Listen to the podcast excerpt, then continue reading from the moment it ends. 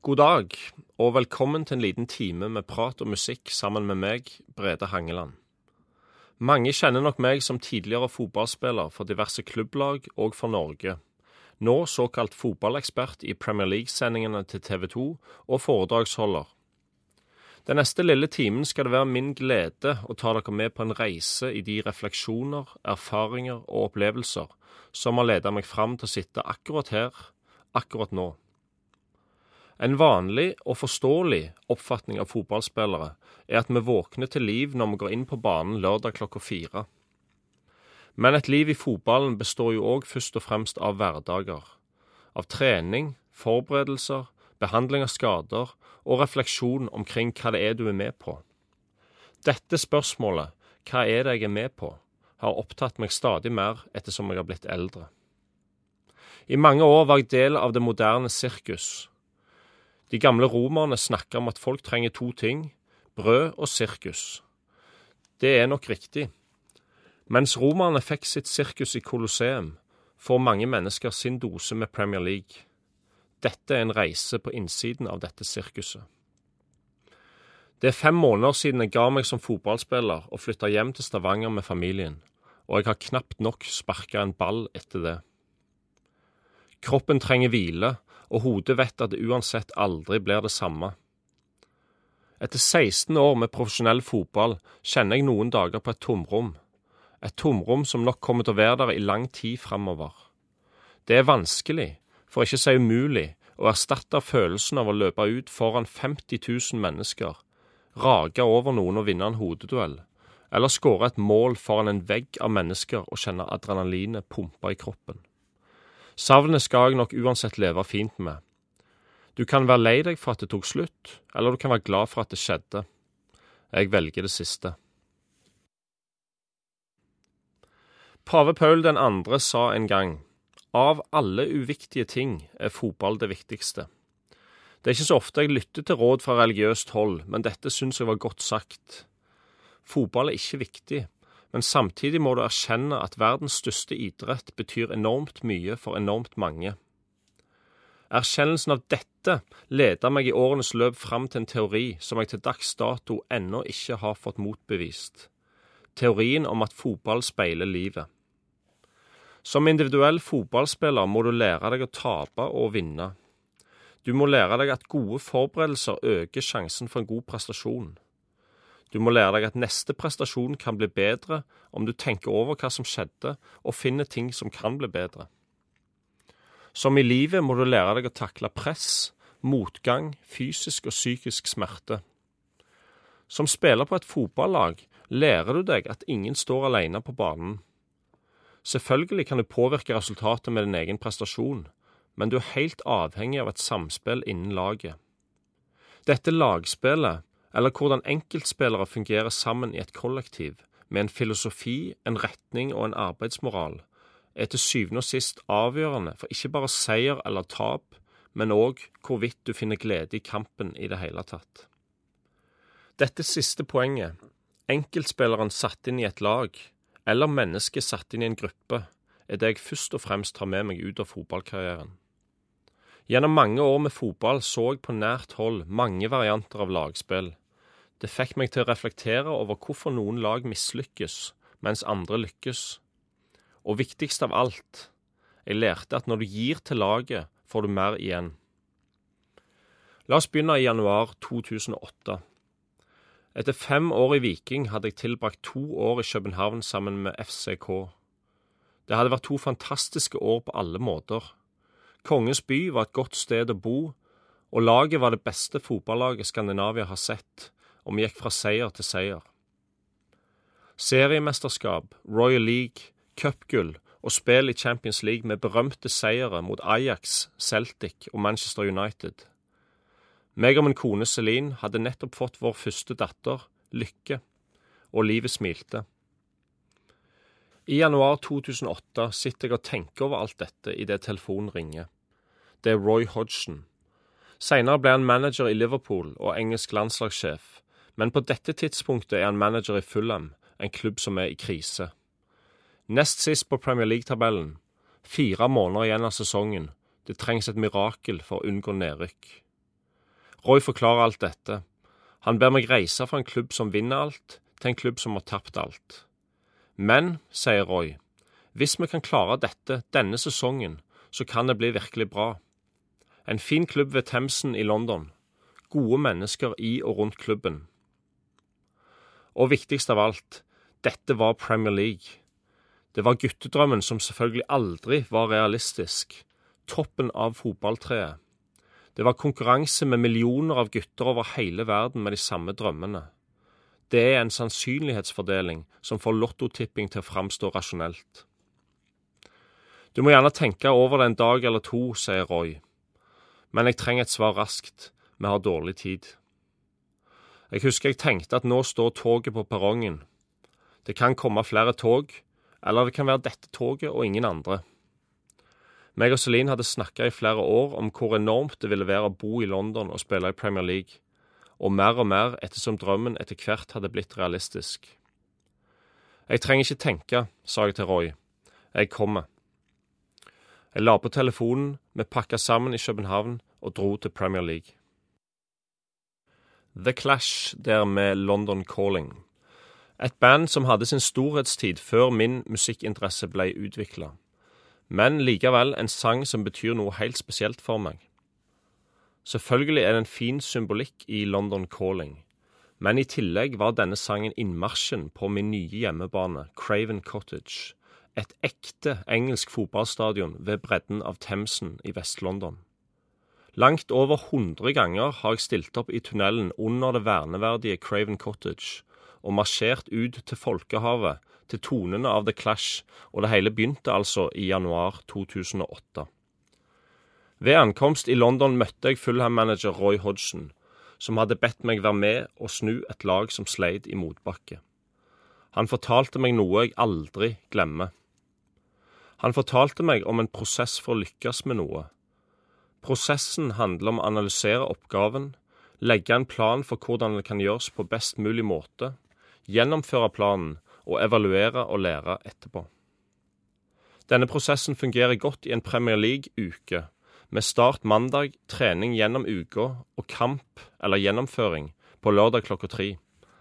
I tillegg, og vel så viktig, prosessen gir gode resultater for enhver oppgave som skal løses, enten det er å lage en god kopp kaffe eller sende en rakett til Mars. Prosessen kan gjentas og forbedres med evaluering. Du kan aldri være sikker på å vinne kampen eller å lage en god kopp kaffe, men du kan øke sannsynligheten for hver gang. Innad i Premier League er det altså mange likheter med enhver annen gruppe som skal prestere eller levere noe, enten det er i næringslivet, i familielivet, på skolen eller i en organisasjon.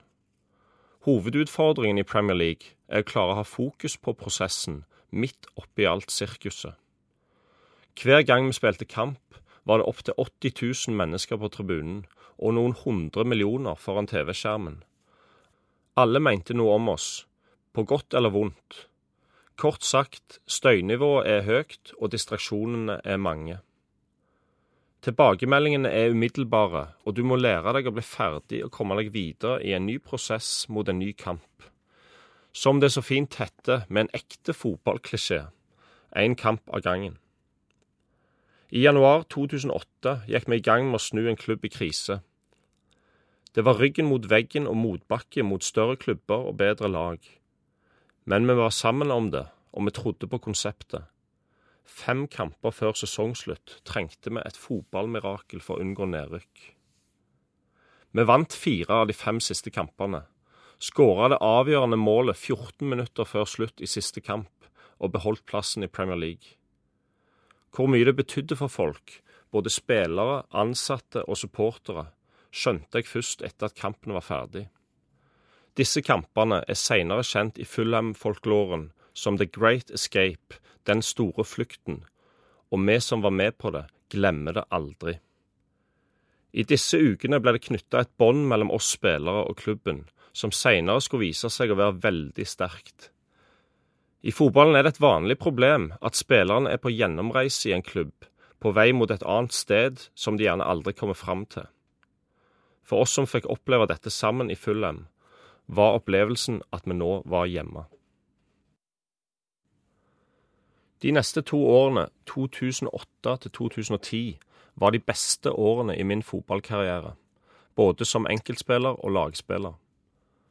Jeg fikk gode venner i denne perioden, både blant spillere, ledere, støtteapparat og supportere. Vi fant en oppskrift på lagspill og profesjonalitet som satte oss i stand til å konkurrere med og slå lag som i utgangspunktet var langt bedre. The team is the star var mantraet, og vi levde etter dette i ord og handling. Opplevelsen av å gå på trening hver dag og være del av noe større var veldig sterk. Vi inspirerte hverandre, utvikla og utfordra hverandre, og sto sammen på banen kamp etter kamp i et elleve måneder langt maratonløp. I disse årene spilte jeg 60 kamper i året. Det ville ikke vært fysisk eller mentalt mulig å gjøre det uten inspirasjonen og motivasjonen fra et lag som sto sammen. Jeg husker dager der jeg hadde så vondt i kroppen at det knapt nok var mulig å stå opp fra senga. Men jeg visste at det var likt for de andre, og jeg tror at vi intuitivt skjønte at denne tiden var våre glory days. Vi kom inn i en rytme. Forberedelser inn mot kampen. Gi alt du har på banen. Aksepter utfallet. Bygg deg opp mot neste kamp. Det snakkes jo så mye om press, enten det er i fotballen eller på andre områder i livet. For meg ble det et poeng at hvis du kan være ærlig på at forberedelsene har vært så gode som mulig, og du gir alt i kampen, så kan ingen forlange noe mer. Når du så står på banen i sekundene før kampen, og 100 millioner mennesker ser på, så trenger du ikke kjenne på presset, for ingen kan kreve noe mer enn ditt beste. Jeg lærte mye om egne grenser i disse årene, og om hvor mye du egentlig er i stand til når du er inspirert og del av et lag som fungerer optimalt. Livet var hektisk og utfordrende, det var konstant krav om å presse grenser og levere på den store scenen. Jeg tenkte mye på et helt grunnleggende spørsmål. Hva er det du er med på? I Premier League-tilværelsen er faren at du blir en sirkusartist i en boble. Jeg husker en periode flere på laget var interessert i klokker. Dyre klokker. Jeg hadde et par fine klokker og vil gjerne ha en til. Heldigvis kom jeg fram til at verden ikke blir bedre, verken for meg eller for noen andre, om jeg bruker en liten formue på en klokke. Men klokkene, bilene og pengene var overalt. Denne perioden fikk meg til å tenke over hvor viktig det er å tørre å være den du er, når store krefter prøver å endre deg til noe annet. Det er ikke nødvendig å bli likt av alle, eller være venner med alle, men ingen skal ta meg på at jeg ikke gjør mitt beste hver dag. Det ble viktig for meg å forstå hva fotball betyr for mange folk. Jeg tok meg alltid tid til å snakke med mennesker jeg møtte, enten de var Mark, Peter eller Mary. Det å se folk som folk, uavhengig av rollen de har i spillet, var en viktig lekse å lære seg. I tillegg ville jeg bestemme over mitt eget liv. De nære ting, det å bruke tid med familien og sette kone og barn først, var alltid det viktigste for meg. Samtidig måtte jeg lære å skru av og på. Bøker, aviser, musikk og tid alene var helt nødvendig. Rollen som Premier League-spiller er altoppslukende. Du er nesten alltid på jobb i en eller annen form. De endeløse tog- og bussturene på kryss og tvers av England ble velkomne avbrekk der det endelig ble tid til å skru av.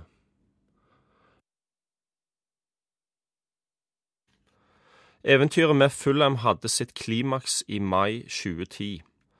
Etter en to og et halvt års opptur sto vi i en europacupfinale i Hamburg. På veien hadde vi slått storklubber i Europa, og lille Fulham var på den aller største scenen. Et klart høydepunkt i historien til en klubb som ble grunnlagt i 1879. Vi tapte finalen mot Atletico Madrid etter ekstraomganger men vi viste for oss sjøl og alle andre at fellesskap og hardt arbeid er den beste oppskriften. Ikke bare i fotballen, men òg i livet. Jeg skjønte det ikke den gang, men i ettertid er det lett å se at slutten på oppturen òg var starten på en nedtur som måtte komme. Klubben var på høyden, og fellesskapsfølelsen skulle dø en langsom død. Spillere dro, og spillere kom. Trenere dro, og trenere kom og sakte, men sikkert så effekten av egoismens inntog. De sterke båndene som holdt oss sammen, ble gradvis svakere. Årene gikk, og jobben med å holde det hele sammen ble tøffere og tøffere. Jeg var blitt kaptein i klubben, og var en av de som hadde vært der lengst. En dag tok jeg tak i en av de nye spillerne og ba han vise mer innsats på vegne av laget. Han svarte meg rett ut at han var i Fulham pga. god lønn og fordi han fikk bo i London, og for øvrig ville han passe sine egne saker. Det var enormt frustrerende å se gode venner forsvinne ut dørene og bli erstatta av spillere som selvfølgelig òg var gode, men som aldri hadde den ultimate motivasjonen. Motivasjonen som kommer fra ønsket om å gjøre noe sammen til det beste for alle. Egoismens inntog er selvforsterkende, og når limet som binder sammen løses opp, så lønner det seg å først tenke på seg sjøl. For mange fotballspillere er penger og image viktigere enn noe annet, og det så jeg etter hvert òg i Fulham. Disse mekanismene blir enormt tydelige i en garderobe. I 2014 sto vi på kanten av stupet og lå an til nedrykk fra Premier League. Klubben reagerte med å ansette en tysk trener, Felix Magath, som hadde sine helt egne metoder i en desperat situasjon. Magat skapte en slags fryktkultur basert på straffetrening. Vi trente til alle døgns tider, og det fysiske og psykiske presset skulle liksom få oss til å vinne, som om ikke presset var stort nok allerede. Det måtte gå galt. Mot slutten av sesongen satt jeg i garderoben før en kamp og så på de andre spillerne. Vi var helt tomme, og ikke i nærheten av klare for kamp. Før kampene pleide jeg å se folk inn i øynene for å se om vi kunne vinne. Du kan alltid se på folk med et kort blikk og skjønne om vedkommende er en del av et vi eller alene for seg sjøl. Helst skal du ha elleve sterke og klare par øyne i garderoben. Vi hadde tre eller fire, og jeg visste det der og da. Dette er ikke nok. Vi rykker ned. Nedrykket med Fulham i 2014 var min klart tyngste opplevelse som fotballspiller. I seks og et halvt år hadde jeg gitt mitt aller beste for denne klubben, og møtt mange fine mennesker som forblir gode venner resten av livet. Det opplevdes helt unødvendig at det skulle ende sånn, men samtidig lærte jeg et par viktige lekser fra denne nedturen. I motgang skjer det spesielle ting i en gruppe. Den naturlige forsvarsmekanismen for hver enkelt er å tenke på seg sjøl. Særlig i disse situasjonene ser du hva folk er laga av. Det er som en god venn av meg sa, you always have to fight the good cause. Du må alltid slåss for det gode, og det gode i lagspillet er alltid fellesskapet. Det andre handler om ledelse. I et strengt hierarki som fotballen er, så er det nærmest umulig å forholde seg til en leder som du ikke kan identifisere deg med eller respektere på noen måte. Det må være et minimum av tro på lederens ideer og egenskaper, Ellers blir ikke bare resultatene dårlige, den daglige trivselen forsvinner fullstendig. Jeg satt en gang på kontoret til Magat og hørte på en 45 minutters monolog, og jeg var uenig i hvert ord han sa. Jeg sa hva jeg mente, men han ville ikke lytte. Han hadde all makt, null behov for innspill fra andre og null forstand på oppgaven. Jeg kommer aldri til å forplikte meg langsiktig i en jobb der du risikerer å få en leder av Magats karakter som sjef. Til det er livet for kort.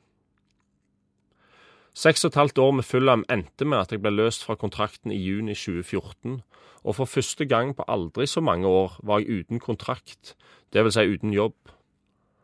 Det var på samme tid skremmende og befriende. Skremmende fordi du blir vant med å bli ivaretatt på alle mulige måter Alt er planlagt og tilrettelagt. Nå var jeg aleine, men derfor var det òg befriende. Aleine kan du bare skylde på deg sjøl. Den sommeren trente jeg aleine med en disiplin som jeg er stolt av, mens jeg venta og lette etter et nytt kontraktstilbud i en ny klubb. Samtidig kjente jeg på en frihetsfølelse jeg ikke hadde hatt på mange år. Profesjonell fotball på dette nivået tar på mange måter over livet ditt. Du møter på jobb i starten av juli måned, og da vet du at noen andre bestemmer hva du skal gjøre hver eneste dag de neste elleve månedene. Sommeren 2014 reflekterte jeg mye over hvor godt livet i toppfotballen egentlig er, sammenlignet med andre ting du kan gjøre. Jeg hadde sett det beste og det verste i Fulham, og jeg visste hva jeg lette etter i en ny klubb. Mot slutten av sommeren signerte jeg for Crystal Palace, en annen London-klubb i Premier League. Det var viktig for meg å bli i London. Familien trivdes godt, byen slutter aldri å overraske, og til og med som Premier League-spiller kan du leve et noenlunde normalt liv. Jeg begynte en pendlertilværelse til Sørøst-London, med lange togturer både til og fra trening, noe som ga meg muligheten til å tenke, til å lese mer aviser og bøker, og til å utforske nye deler av byen. Jeg hadde gjort leksene mine og visste hva jeg gikk til i Crystal Palace. En fin gjeng av lagspillere, et opplegg helt etter min smak. På dette tidspunktet i karrieren hadde jeg ingen personlige ambisjoner utover å gjøre jobben min så godt som mulig. Jeg hadde lært meg mekanismen i en gruppe og psykologien i et fotballhode. Tiden i Crystal Palace tillot meg òg å bli bedre kjent med London. Konserter, restauranter, tid med venner òg utenfor fotballen. De siste åra ble jeg kjent med en del bra mennesker i restaurantbransjen i London, og det hadde sine fordeler. Som en irsk venn av meg sa mens vi drakk en pint på puben hans. Du er god til å yte, men du må lære deg å nyte. Alt var fint, bortsett fra ett stort problem. Jeg var nå godt over 30 år, hadde spilt hundrevis av kamper og trent steinhardt i over et tiår, nesten uten avbrekk. Kroppen var slitt, og det gjorde mer og mer vondt å gjennomføre treninger og kamper. Smerte er én ting, det blir du god til å tåle som fotballspiller. Men hva når kroppen slutter å virke som den skal? Hva når hodet slår en pasning som kroppen ikke vil utføre? Jeg visste at slutten på kapitlet som fotballspiller nærmer seg. Det ble viktig å finne en balanse mellom å gi det du må gi til klubben, uten å ødelegge egen helse. En fotballspiller er egentlig ikke noe annet enn en vare som kan kjøpes og selges, og varen skal levere en prestasjon for at klubben skal vinne. Du får tilgang til all verdens medisinske ressurser, men etter mange år så visste jeg jo godt at den eneste som bryr seg om min langsiktige helse, er meg sjøl. Sprøyter, piller og annen behandling var en del av hverdagen, Grensen måtte jeg sette sjøl. Jeg nærma meg et viktig valg. Det ble to år i Crystal Palace, noen kamper her og der, og en fin tid. For noen måneder siden så satt jeg på kontoret til manager Alan Pardew. Jeg kan nesten ikke springe mer, sa jeg til han. Du har løpt mer og bedre enn de aller fleste, svarte Alan. Reis hjem og lev resten av livet ditt. Jeg kunne ha spilt et år til, kanskje to. Jeg kunne ha tjent noen flere pund eller euro, dollar eller kroner. Men fotball skal være kjekt. For at noe skal være kjekt, så må det være mulig å være god. Det var et enkelt valg å gi seg. I tillegg, og kanskje viktigst av alt, du må være i stand til å gi noe til laget, ellers så blir du jo bare enda en egoist. 1. juli pakka jeg sammen i London og reiste hjem med kone og barn. Vel, hjemme i Stavanger så har vi satt pris på de nære og enkle ting. At ungene kan gå til skolen og føle seg trygge. At de kan hente på SFO og se ungene leke fritt. At de kan sykle sjøl til fotballtrening uten mannsmarkering fra mamma eller pappa. At det finnes et nabolag der folk bryr seg om hverandre og passer på. Over ti år i utlandet gjør noe med deg. I løpet av det tiåret opplevde jeg nok mer enn noen mennesker gjør i løpet av et helt liv. Det har vært et vanvittig privilegium å få være med på alt dette. Jeg har spilt i de store kampene, med og mot de store spillerne. Jeg har sett styrken i et godt lagspill og god ledelse, og hvordan et lag faller sammen når egoisme og inkompetanse tar for stor plass. Jeg har lært meg at en positiv innstilling til livet er det viktigste av alt, og at du kan få til ganske mye med å stå opp tidlig om morgenen og gjøre ditt aller beste. Vel hjemme i Norge ser jeg òg på det norske samfunnet med litt nye øyne. Jeg har alltid tenkt at å bo i Norge, på dette tidspunktet i historien, er et privilegium som vi ikke fullt ut tar inn over oss. Tiden i utlandet og opplevelsen i fotballen gjorde meg enda sikrere på dette. Det norske samfunnet altså laget vårt, er på høyde med det beste laget jeg var del av i fotballen. Når folk drar i samme retning, har tillit til hverandre og gjør ting ikke bare for seg sjøl, men òg til det beste for laget, da blir det bra i sum. Sånn var det i fotballen, og sånn er det i livet. Noen få dager før avreise fra London til Stavanger, så møtte jeg en gammel lagkamerat fra tiden i Fulham. Vi hadde begge bestemt oss for å gi oss med fotballen. Vi gikk en tur til vår gamle hjemmebane Craven Cottage og videre langs Themsen mot Putney Bridge. Vi deler erfaringer som ingen andre fullt ut kan forstå, og vi gikk der i sola og snakka om dette og hva livet nå skulle by på. Litt trist, men samtidig veldig fint.